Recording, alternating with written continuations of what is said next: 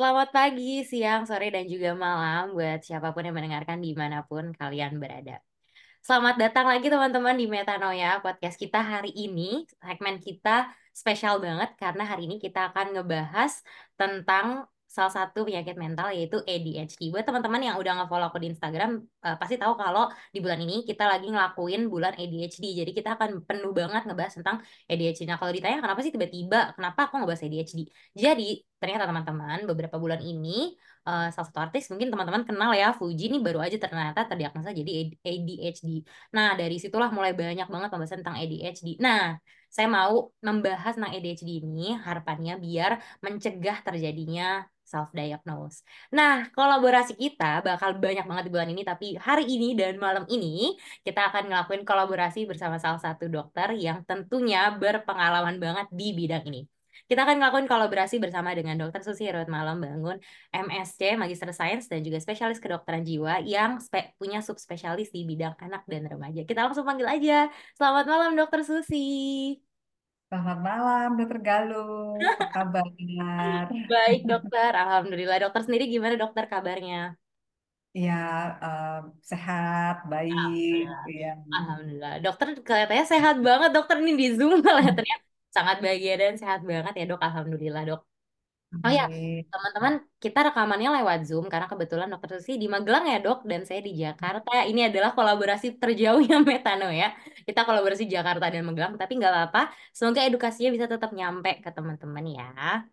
Oke dok, kita langsung aja dok ngebahasnya. Jadi dari beberapa bu uh, beberapa bulan ini aku udah sempat banyak dok ngebahas sama yayasan-yayasan gitu ADHD dan juga parenting. Nah parenting mereka juga penasaran tentang ADHD ini. Nah kalau dari dokter sendiri bisa tolong jelasin nggak dok apa itu ADHD sih dok kan orang-orang tahunya ADHD ini orang-orang yang ya, petakilan-petakilan aja terus yang kayak nggak bisa diem gitu. Tapi apakah memang sebatas itu aja ADHD dok?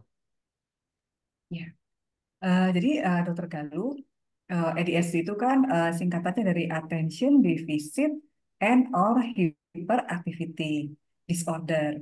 Jadi uh, ADHD ini sebenarnya adalah suatu bukan penyakit ya, tetapi adalah gangguan uh, perkembangan dari uh, sistem saraf ya di otak kita uh, yang terjadi uh, sejak uh, seseorang itu dilahirkan gitu. Nah, jadi uh, ADHD ini bisa jadi uh, gejalanya uh, dominan di attention defisitnya, yaitu untuk sulit konsentrasi, untuk sulit uh, fokus, atau uh, yang uh, subtipe kedua dia dominannya uh, gangguannya di uh, hiperaktivitas dan impulsivitas. Nah, ada yang tipe sub ketiga ini uh, dua-duanya ada gitu, jadi komplit. Jadi tipe yang komplit ada yang inatensi, dan ada yang hiperaktivitas dan impulsivitas. Ya, seperti itu. Hmm, Oke, okay. berarti nggak selalu uh, di satu sisi aja dok, nggak selalu hiperaktif doang dan nggak selalu impulsif doang gitu ya dok. Oke dok, tapi ya. ini uh, kemarin banyak pertanyaan juga sih dok sebenarnya. Uh, apakah itu terjadi karena parenting dok? Mungkin orang-orang taunya ini banyak terjadi karena ah ya udah gaya parentingnya doang atau misalnya emang anaknya aja yang nggak dibiasain buat menahan impulsnya atau misalnya uh, nahan-nahan hiperaktifnya. Jadi sebenarnya ADHD ini bisa terjadi karena apa, dok? Ya, uh, jadi uh, dokter Galuh, uh, ADHD ini kan terjadinya karena adanya faktor neurologi ya, seperti uh, saraf di otak kita, atau eh, itu yang disebut biologik ya. Pertama-tama di secara biologi, biologi itu bisa dari uh, otaknya sendiri, ada perkembangan saraf di otak yang memang terhambat. Lalu ada faktor genetik juga keturunan Nah, setelah itu eh, apakah dari ayahnya atau ibunya yang memang ada eh, tiga generasi sebelumnya itu ada eh, membawa gen ADHD. Lalu secara biologik sudah, maka secara sosial. Nah, secara sosial ini apakah misalnya ibunya waktu pada saat mengandung si anak gitu ya mengalami suatu misalnya uh, ada stresor, stresor secara sosial, misalnya hubungan interpersonalnya mungkin dengan mertuanya yang kurang baik gitu ya, atau misalnya dengan suami uh, sedang ada konflik selama uh, mengandung si uh, anak uh, yang membawa ADHD ini. Atau secara psikologis ibunya memang sedang mengalami gangguan secara psikologis gitu ya pada saat mengandung si anak.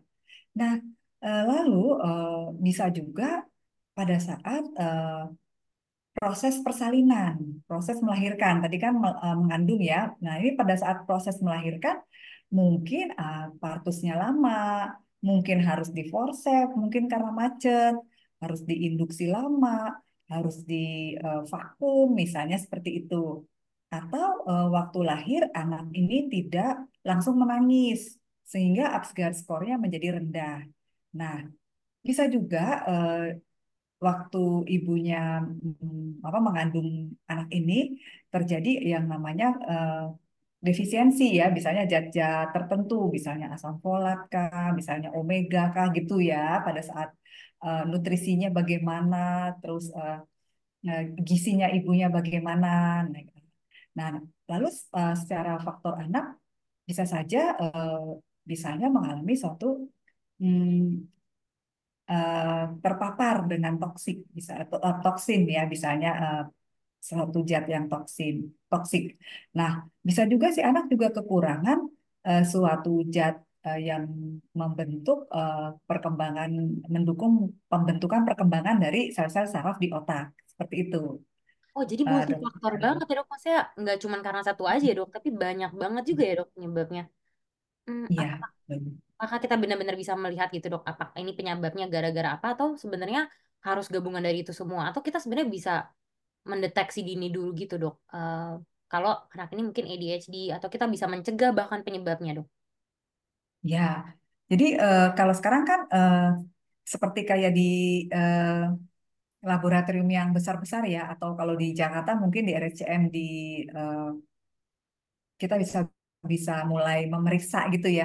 Apakah ibunya ini membawa gen ADHD gitu ya, calon ibu ini, calon ayah ini apakah ada membawa gen ADHD. Bahkan ada di laboratorium yang uh, besar-besar ya, saya rasa mungkin masih jarang, tapi sudah ada tuh, mulai ada tuh pemeriksaan genetik ya. Saya Oh, kapan hari saya pernah ditawarkan juga gitu. Tapi ini sebelum pembentukan dari janin ya eh, sebelum uh, terjadi proses kehamilan gitu.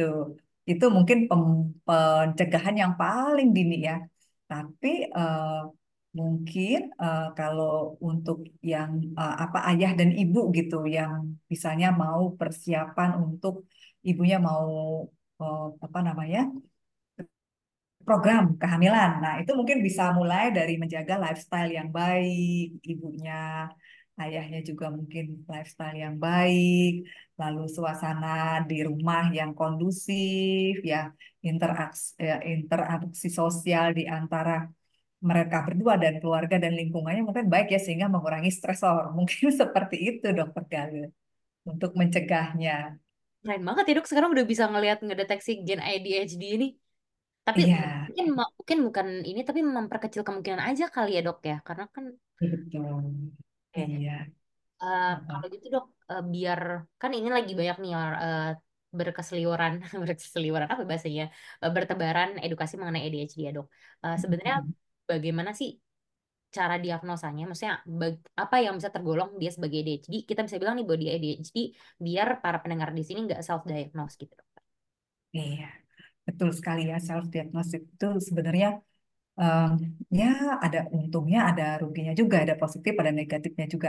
Tetapi yang harus kita perhatikan di sini adalah gejala atau tanda dari FDSD ini harus bertahan setidaknya enam bulan. Jadi kalau baru satu minggu, dua minggu, ibu-ibunya baru enggak apa anak saya kok ini, tapi kok baru dua minggu, setelah dua minggu hilang, itu nggak nggak masuk ke kriteria. Jadi dia harus setidaknya enam bulan dan terjadinya itu di dua lokasi, misalnya di sekolah, atau pada saat dia diajak ke masjid, atau diajak, diajak ke rumah ibadah, ke gereja, atau pada saat eh, di sekolah, di rumah, atau mungkin ditambah lagi, misalnya kalau lagi eh, di tempat keramaian gitu ya. Eh, jadi jangan eh, hanya di satu lokasi saja gitu. Itu eh, syaratnya. Lalu bagaimana gejalanya? Gejalanya tentu saja eh, tiga eh, tiga hal yang tadi ya eh, Dokter Galuh yang harus kita ingat yaitu inatensi itu seperti kayak sulit mempertahankan nih. dia sulit banget mempertahankan konsentrasi gitu ya, lalu mendengarkan dengan fokus ya, lalu misalnya mudah terdistraksi, misalnya hmm, contohnya gini, dia lagi nulis atau dia lagi mm, menggambar gitu anak-anak uh, PAUD, tiba-tiba ada kucing lewat nih, dia langsung eh ini kucing, dia langsung gitu ya misalnya, atau dia misalnya lagi main Lego, baru dua uh, belum ada dua menit deh, baru uh, 20 detik. Hmm. dia lihat "Uh, kok ada motor? Motor-motoran gitu ya. Ih, pindah ke motor-motoran. Oh, baru lima detik udah pindah oh, lagi udah. misalnya ke oke. ke mainan yang lainnya seperti itu. Nah Oh, biasanya mereka juga sering kali eh, itu yang inatensi ya dokter Galuh ya ya. Tidak mampu fokus pada hal-hal yang detail gitu. Itu yang inatensi.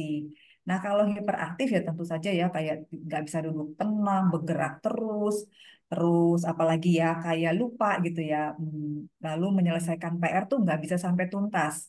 Misalnya gurunya di, di kelas nih Anak-anak, sekarang kita mengerjakan soal nomor satu sampai 10. Ibu kasih waktu dari jam 11 sampai jam 12 ya. Nah, teman-temannya tuh selesai 10 soal. Nanti dia tuh paling tiga. Itu juga udah nggak rasanya bagus gitu sekali. ya dok. Jadi Hmm, eh, hmm. hiperaktif gitu ya dok ya. Iya. Lalu duduk tuh, kalau misalnya temennya bisa duduk di jam pertama, dia tuh baru lima menit udah jalan-jalan, nanti udah lari, udah pamit, misalnya mau ke kamar mandi gitu ya. Padahal ya duduk belum sampai lama gitu, seperti itu. Nah nanti kalau yang impulsif tuh misalnya dia tiba-tiba aja eh, gurunya ngomong nyeletuk gitu, gurunya ngomong belum selesai pertanyaan sudah Iya Bu, saya juga punya. Misalnya gurunya lagi ngomong Oh, kendaraan gitu ya, saya juga punya. Jadi nimbrung pada saat yang seseorang sedang bicara atau ibunya lagi bicara nih sama dokter. Tiba-tiba dia mama, mama, mama gitu misalnya. Dan itu berlangsung terus menerus seperti itu misalnya. oke. Saya jadi penasaran dokter. Kenapa harus dua tempat dokter? Kenapa kenapa nggak kita bisa bilang kalau dia di satu tempat aja gitu dokter? Ah, ah. Jadi kalau misalnya eh, dia misalnya hanya di rumah saja hiperaktifnya, lalu di tempat lain di sekolah, apa kalau lagi diajak ke bank dia tetap bisa tenang, atau dia mungkin misalnya di tempat hmm, saudara dia bisa tenang, hanya di rumah saja. Nah itu tentu harus kita lihat kemungkinan ini bukan eh, hiperaktif atau inatensi dari ADHD. Bisa saja ini memang eh, ada tanda dan gejala dari diagnosis yang lain seperti itu. Oh, Oke, Mm-mm. siap-siap dokter. Dokter ini kebetulan pas sama ini kemarin aku sempat buka questions box gitu dokter di Instagram. Nah ini ada beberapa ada pertanyaan dokter. Ini pertanyaan yang cukup nyaman juga dok. Jadi eh, dia nanya dok, kenapa sih eh, pertama pertanyaan pertama adalah apakah sebenarnya ADHD itu bisa muncul pada saat dewasa atau sebenarnya cuman pas anak-anak doang ketika lagi berkembang. Nah pertanyaan kedua adalah nyambung juga sama pertanyaan pertama. Kenapa yang kenapa ADHD di dewasa nggak muncul di permukaan daripada ADHD pada anak-anak Eh, gitu dok. Iya. Eh, jadi eh, ini pertanyaan yang lagi banyak sekali ya Dokter Galuh ya. Banyak yang lagi Iya tanya dok. Heeh. Jadi SDD itu sebenarnya adalah perjalanan dari gangguan itu sendiri gitu. Sebenarnya dia sih sudah ada ya sejak kecil. Cuma orang tuanya mungkin nggak ngeh, nggak dibawa ke eh, eh, pusat pelayanan kesehatan misalnya ya.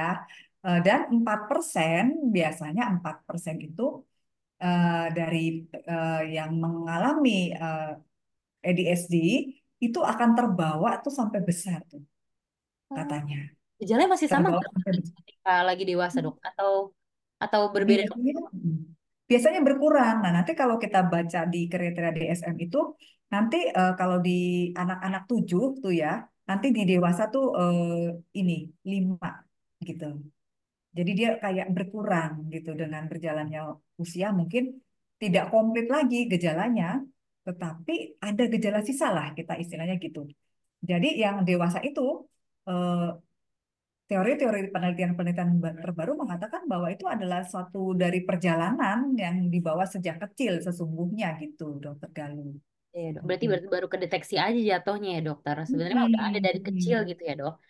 Oke Iya, dok, iya. kalau gitu nih dok, misalnya memang udah ter, baru terdeteksi pada saat dewasa, atau misalnya eh, teman-teman ini pendengar ada yang anak eh, anaknya atau misalnya saudaranya gitu, oh ternyata anak saya atau saudara saya ini ada ADHD nih, bisa nggak sih dok diobatin?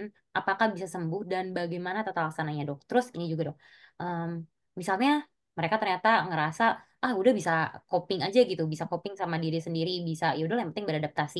Apakah mungkin bisa eh, selesai dengan kasarannya latihan di rumah atau tidak dokter? Ya, baik. Eh, Dokter Galuh, jadi eh, eh, apa namanya ADHD ini eh, dengan bertambahnya usia bisa juga dia akan berkurang gejalanya. Namun tidak hilang sama sekali. Pasti ada sisa-sisanya, sequela-sequelanya gitu ya. Nah, lalu apakah dia eh, bis- dikatakan sembuh? Nah, karena ADHD ini bukan penyakit, eh, jadi itu bawaan ya, eh, sehingga tidak bisa dikatakan sembuh, tetapi gejalanya berkurang eh, tanda dan gejala klinisnya itu mungkin berkurang gitu ya dengan bertambahnya usia. Lalu bagaimana bila dia bila seseorang ketika kecil tidak dideteksi sebagai ADHD gitu ya didiemin aja ya, apakah dia akan bisa baik-baik saja secara kesehatan mental? Jadi bisa iya, bisa tidak. Nah, Tentu saja dengan beriringnya ber- perkembangan eh, dari eh, saraf di otaknya semakin baik, tentu saja bagian yang tadi kita katakan terjadi eh, hambatan atau eh, perkembang apa gangguan perkembangan saraf di otaknya itu misalnya dengan bertambahnya usia bertambah baik, maka tentu gejalanya akan berkurang. Namun itu kan gambling ya, Dokter Galuh. Seandainya nih ternyata eh, dia ADHD, dia hiperaktif, dia impulsif, dia inatensi, lalu ibunya nggak sabaran, lalu gurunya juga melabeling gitu ya. Aduh, emang ini Parah ya. troublemaker gitu ya Dokter Galuh ya. Ini memang anak nakal. Coba kita bayangkan. Dia malah dihukum, bukan diterapi, bukan didampingin. Coba, tentu saja self esteemnya akan terganggu ya Dokter Galuh. Maka ini bahaya sekali. Akan anak menjadi inferiority, mudah cemas mungkin ketika besarnya jadi mudah depresi mungkin atau malah eh, menjadi perilaku menentang. Oh, seperti itu. Dan gejala apa eh, gangguan-gangguan kesehatan mental lainnya yang lebih serius lagi gitu. Eh, berarti sebenarnya eh, yang paling utama adalah bahwa lingkungannya pun harus aware ya dokter, biar nggak lebih parah. Karena ternyata kalau misalnya didiemin dan justru malah diperparah juga. Tadi dokter sempat bilang salah satu faktornya adalah sosial, justru malah semakin memperparah, bahkan bisa sampai ke eh, kesehatan mental lainnya ya dokter. Oke Iya. dok. Oke, baik dokter. Terus kemarin, eh, jadi kan saya sudah membaca dan nge-review juga nih dokter tentang bukunya dokter. Aku mau dong dokter, boleh nggak spill ke para pendengar ceritain tentang bukunya dokter ini tentang apa sih gitu dokter? Iya. Ja- Jadi saya mungkin eh, ini dulu ya kasih bocoran dulu Boleh tentang dok. yang kan ada dua tuh yang ADSD ya Dokter Galuh saya eh, kebetulan ada yang judulnya psikoedukasi keluarga ya anak ADSD dan ya nah itu satu itu untuk ayah dan bunda. Jadi untuk caregiver. Jadi untuk orang tuanya yang buku itu psikoedukasi keluarga. Lalu yang satu lagi yang eh, agak pink itu itu buku latihanku. Nah ini buat anak dengan gangguan ADHD gitu Dokter Galuh. Jadi yang satu untuk caregivernya orang tua dan ibunya yang satu untuk anaknya yang mengalami eh, ADHD gitu. Sama dokter sempat ngeluarin ini juga dok, cuman belum sempat aku bahas. Iya, nah itu tentang retardasi mental atau ada bahasa di DSM-5-nya intellectual disability. Oh, oke oke. Kemarin kebetulan juga ada dok muncul di Insta, di TikTok gitu cerita dia kalau anak pertamanya ada retardasi mental, anak keduanya ada ADHD. Langsung aja aku bilang, "Ah, coba baca bukunya akan terbantu." Aku langsung bilang gitu dok. Iya, terima kasih Dokter Galuh. Sama-sama dokter saya justru sedang. Oke dokter, baik dokter. Berarti dari pembicaraan kita pada malam ini sebenarnya bisa kita simpulin ya dok bahwa ADHD ini tuh nggak cuma hiperaktif doang, tapi sebenarnya dia juga meliputi dia ada hiperaktif, inatensi, sama impulsif juga ya dok. Dan dia juga karena banyak banget hal juga banyak banget faktor resikonya juga. Tapi ternyata sebenarnya ini bisa di, di ini ya dok, bisa diobatin juga ya dok. Harus pakai pengobatan med, eh, pengobatan minum gitu nggak sih dok? Atau harusnya terapi kognitif aja dok? Nah, jadi ADHD ini, eh ya tadi saya ada yang kelewatan ya. Tata ada yang farmakologi sama non farmakologi. Nah, kalau misalnya yang dari eh, eh, secara klinis ya, kita lihat dulu yang non farmakologi dulu, misalnya terapi perilaku dulu, apakah nanti eh, kalau ada gangguan eh, perkembangan dari sensori integrasinya mungkin sensori integrasi dulu, okupasi terapi okupasi dulu gitu ya. Eh, baru nanti eh, tra, eh, apa bila nanti terjadi eh, hambatan pada saat terapi kok eh, terapisnya sampai nyerah. Aduh dok, saya nyampun deh nyerah dok. Ini kok nggak bisa sok di terapi masih ah, gitu ya. Waduh, bener-bener dok katanya hiperaktif banget atau inatensi banget. Baru nanti kita eh, masukkan farmakologi. Seperti itu dokter Galuh. Jadi awalnya kita nggak pakai dulu, tapi nanti saat terapi hasilnya nggak ada, anak yang masih tetap inatensi, hiperaktif, impulsif ya terpaksa kita dengan Nah, ini izin orang tua akan memberikan obat dulu, gitu, stimulan, gitu, dokter Galuh. Siap, siap dokter. Ini mungkin jadi pertanyaan terakhir ya dokter. Eh, Mm, kapan misalnya seseorang eh, ketika mm, seseorang itu sadar di ADHD atau misalnya ketika orang tua sadar kalau anaknya ini ADHD atau misalnya sepupu segala pun yang udah mulai suspek nih dok ada ADHD, kapan kiranya mereka harus pergi ke rumah sakit atau ketemu sama eh, dokter yang lebih profesional atau profesional yang bisa lebih paham tentang ADHD ini? Yes. Jadi eh, sedini mungkin dokter Galuh. Misalnya eh, kalau bisa sih eh, ketika orang tua melihat nih ya, kok anak saya beda ya sama anak yang lain. Anak yang lain mungkin sama sama-sama lari-lari gitu ya. Tapi anak saya kok oh, lari nggak berhenti gitu kayak nggak ada capeknya kayak ada motor mesin gitu kayak mesin. Wah, gerak. Itu jangan ragu-ragu. Eh, segera bawa ke profesional kesehatan Nah, apa eh, boleh misalnya ke dokter umum boleh, ke psikolog boleh, ke psikiater boleh, ke dokter anak boleh, dokter rehab medis boleh. Pokoknya segera bawa. Jangan ditunda-tunda lagi gitu. Oke, Nah, itu siap. tergantung. Oke, jadi ini boleh didengar juga ya buat para pendengar kalau misalnya kalian udah khawatir, mungkin adiknya atau misalnya anaknya juga yang mungkin mendengarkan, atau misalnya siapa pun eh, curiganya ADHD, boleh banget langsung diperiksa aja ke tenaga kesehatan, teman-teman, biar bisa deteksi lebih dini. Ya wes, kalau gitu dokter, ini kayaknya udah cukup pembahasannya, udah cukup jelas juga ya dok. Tapi buat teman-teman yang mau cari tahu tentang ADHD, teman-teman bisa langsung dicek bukunya. Aku udah aku udah taruh di link aku di bio Instagram sama di podcast juga udah aku taruh di bawah buat pembeliannya di mana. Sama bisa dibeli di Tokopedia kan ya, Dok ya? Atau di Shopee. Iya, Aku di Tokopedia ya, Dok bisa. ada. ya? Ya, Di Tokopedia ada, di Shopee ada. Aku udah naruh di linknya di Instagram sama di podcast aku juga. Terus eh, terakhir kalau misalnya teman-teman mau cari tahu juga tentang ADHD, aku udah ngelakuin berbagai macam kolaborasi sebelum ini. Teman-teman bisa cek di Instagram aku @galunandia. Terakhir dokter, kira-kira dokter ada nggak pesan-pesan yang mau disampaikan buat para pendengar? iya. Eh, pesannya adalah eh, untuk orang tua dan guru eh, bila nanti menemukan eh, anak dengan ADHD eh, sebaiknya hindari untuk eh, melabel, menstigma atau memberikan eh, julukan-julukan kepada anak eh, dengan ADHD. Dan eh, lebih baik kalau memang mengalami suatu kayak eh, apa ya eh, mengalami aduh saya kok bingung nih menghadapi murid saya yang ADHD atau anak saya yang ADHD segeralah bawa ke profesional kesehatan. Itu lebih baik. Sehingga nanti bisa segera dapat bantuan gitu Siap. dokter Gali Terima kasih banyak dokter. Sarannya terima kasih banyak juga dokter atas masukan dan informasinya juga malam ini yang eh, sangat padat, singkat, padat, dan jelas banget dokter.